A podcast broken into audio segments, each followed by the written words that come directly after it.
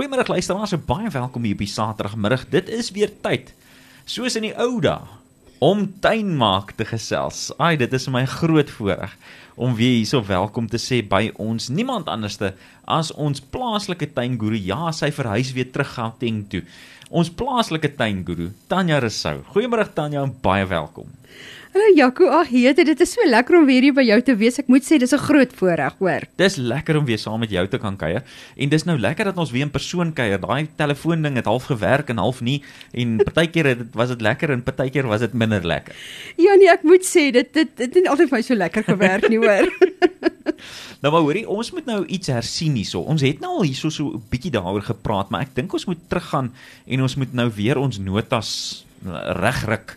En ons praat nou weer oor peste en pla in die tuin, né? Nee. Dis reg. Ja, weet jy, ons het verskriklik baie navrae nou oor peste en pla in die tuin. Dit is regtig nou is die tyd veral waar dit so warm is met hierdie hittegolf. Mm. So dit is regtig vir nou 'n tyd waar die tuine regtig waar oorval word daarmee. OK. Nou, kom ons sê watter tipe peste en pla kry ons meestal in die tuin? OK, ek gaan ek gaan daar is 4 kategorieë. En ek gaan eendag ek gaan elkeen net so vinnig vinnig deurgaan. Ja en dan en dan kyk ons. Okay, so die eerste ene wat mens kry is jou kouende peste. Okay. So dit is nou die goed wat die blare kou as ek dit nou so kan verduidelik. So die, dit is nou die, die knaagdiere. Dis die knaagdiere. So jy kyk dan na jou slakke en jou snywurms en sprinkane en besies. En die skade is nou obvious wat jy sien want dit is mos nou die blare wat gevreet is en gate in die hmm. blare en al daai goeders. So dis jou kouende insekte. Hmm. Dan gaan ons na die suigende insekte. Ehm um, en dan hierdie groep sluit in jou luise, jou witvliegie, die rooi spinnekop, die myte. So hierdie is klein peste. En jy sien nie gewoonlik die um, die skade so vinnig raak nie. Okay. Jy begin dit jy begin dit eers later te sien en dis gewoonlik waar ons grootste probleem lê is by hierdie ehm um, is by hierdie insekte. Okay, so kouende peste, dan die ouens wat wat aan die suig raak aan die plante. Ja. ja. Nou kom ons by die grondpeste. Okay. Okay, so hulle is nou ehm um, dit is nou die goeters wat in die grond is. Ons nou so kan sien. Dis nou miswurms en duisendpote en oorkruipers en al daai groot goed wat jy nou wat in die grond is. Ja. Jy snywurms val ook onder hulle, goed. maar hulle is ook ehm um, vretende, ons sê vretende, kouende, kouende mm. insekte. Mm. Okay. En hierdie hierdie hierdie groep maak jou skade ook maar wat hulle die blare so vreet, maar hulle is ook geneig om jou jong saailinge aan te val. Wie die snywerms wat die wat die wat die jou jong saailinge afsny. Hmm. En dan natuurlik die miswurms. Nou daar's 'n vreeslike, ek wil nie sê 'n miskonsepsie of dis eintlik 'n vreeslike moeilike ding want daar's 'n vreeslike twis oor miswurms, mm -hmm. want hulle leef eintlik van dooie plantmateriaal. Maar baie mense sê hulle eet jou plante ook op. Maar is so, hulle dan nou nie goed vir die grond dan nie? Man, hulle is eintlik goed vir die grond, maar jy weet as iemand 'n sak oopmaak of jy grawe jou potplant uit en daar's 'n klomp miswurms in, dan gaan jy nou nie dink hulle eet net verrotte plantdele nie. Jy gaan opgewonde raak maar vir verkeerde redes. Heeltemal vir die verkeerde redes. So, ehm um, so dit is hulle en dan natuurlik kry jy, weet jou duisendpote wat soos byvoorbeeld aartappels, hulle is lief om aartappels mm. te vreet en dan jou oorkruipers en dan hulle rig baie skade aan die wortels aan. Okay. Ehm um, so dit is jou grondpeste. Goed. Dan kyk ons na steekpeste en dit is maar meestal jou vrugtevlieg. Die probleem met die vrugtevlieg is dat jy sien die skade eers as jou as jou vrug of jou gewas groter raak. Ja, ja. Uh, en dan sien jy dan kom jy agter die jog, jy kan glad nie dit eet nie. Dis 'n gaatjie ingewees. Daar's 'n gaatjie ingewees mm. en dan is daar nou 'n klomp wurmpies en goedertjies binne in die vrug. Mm. So dit is wat die verskillende peste aanbetref wat ons in die tuin kry. Okay, goed. Nou weet ons wie hulle is. Ons het yes. hulle name gegee. Ons het hulle name hmm. gegee. Hoe beheer 'n mens dan nou die pestilensies? Weet jy die beheer is 'n dit is vir my 'n vreeslike moeilike ding. Ek sê altyd weet ek hou nie daarvan om gif in die tuin te gebruik nie. Ja.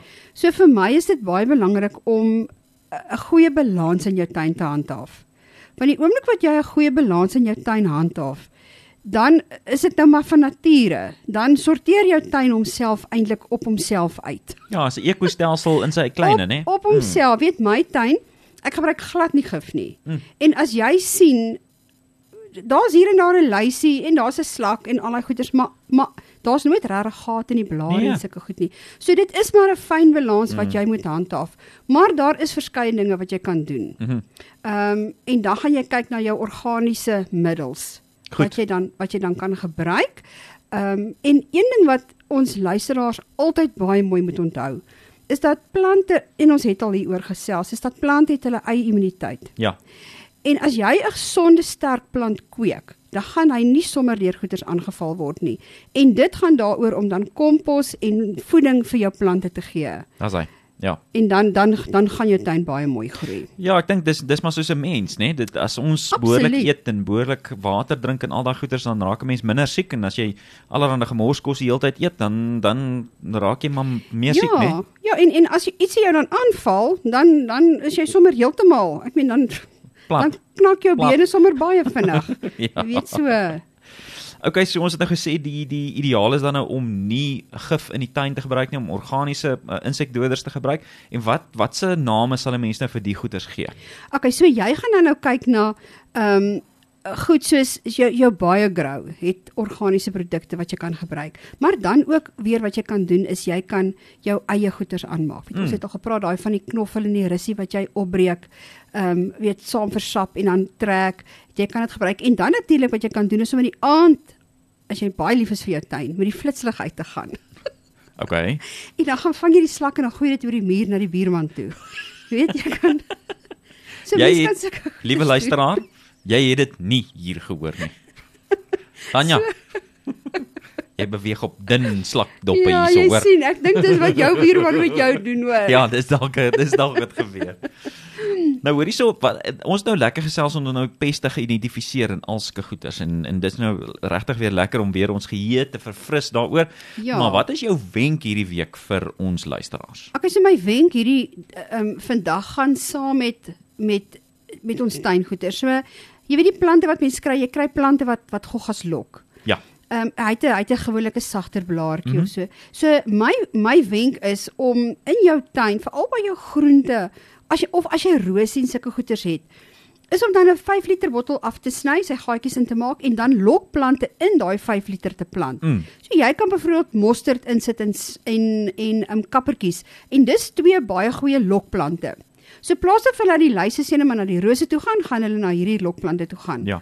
As jy dan nou sien hierdie goeters is nou baie baie besmet, kan jy eenvoudig daai plant uittrek en hom weggooi. Jy moet gooi sit hom in 'n sak, gooi hom ver weg, ja, ja. verbrand hom mm -hmm. en plant nuus en jy kan jou jou 5 liter borrels lekker rondskuif. Ja.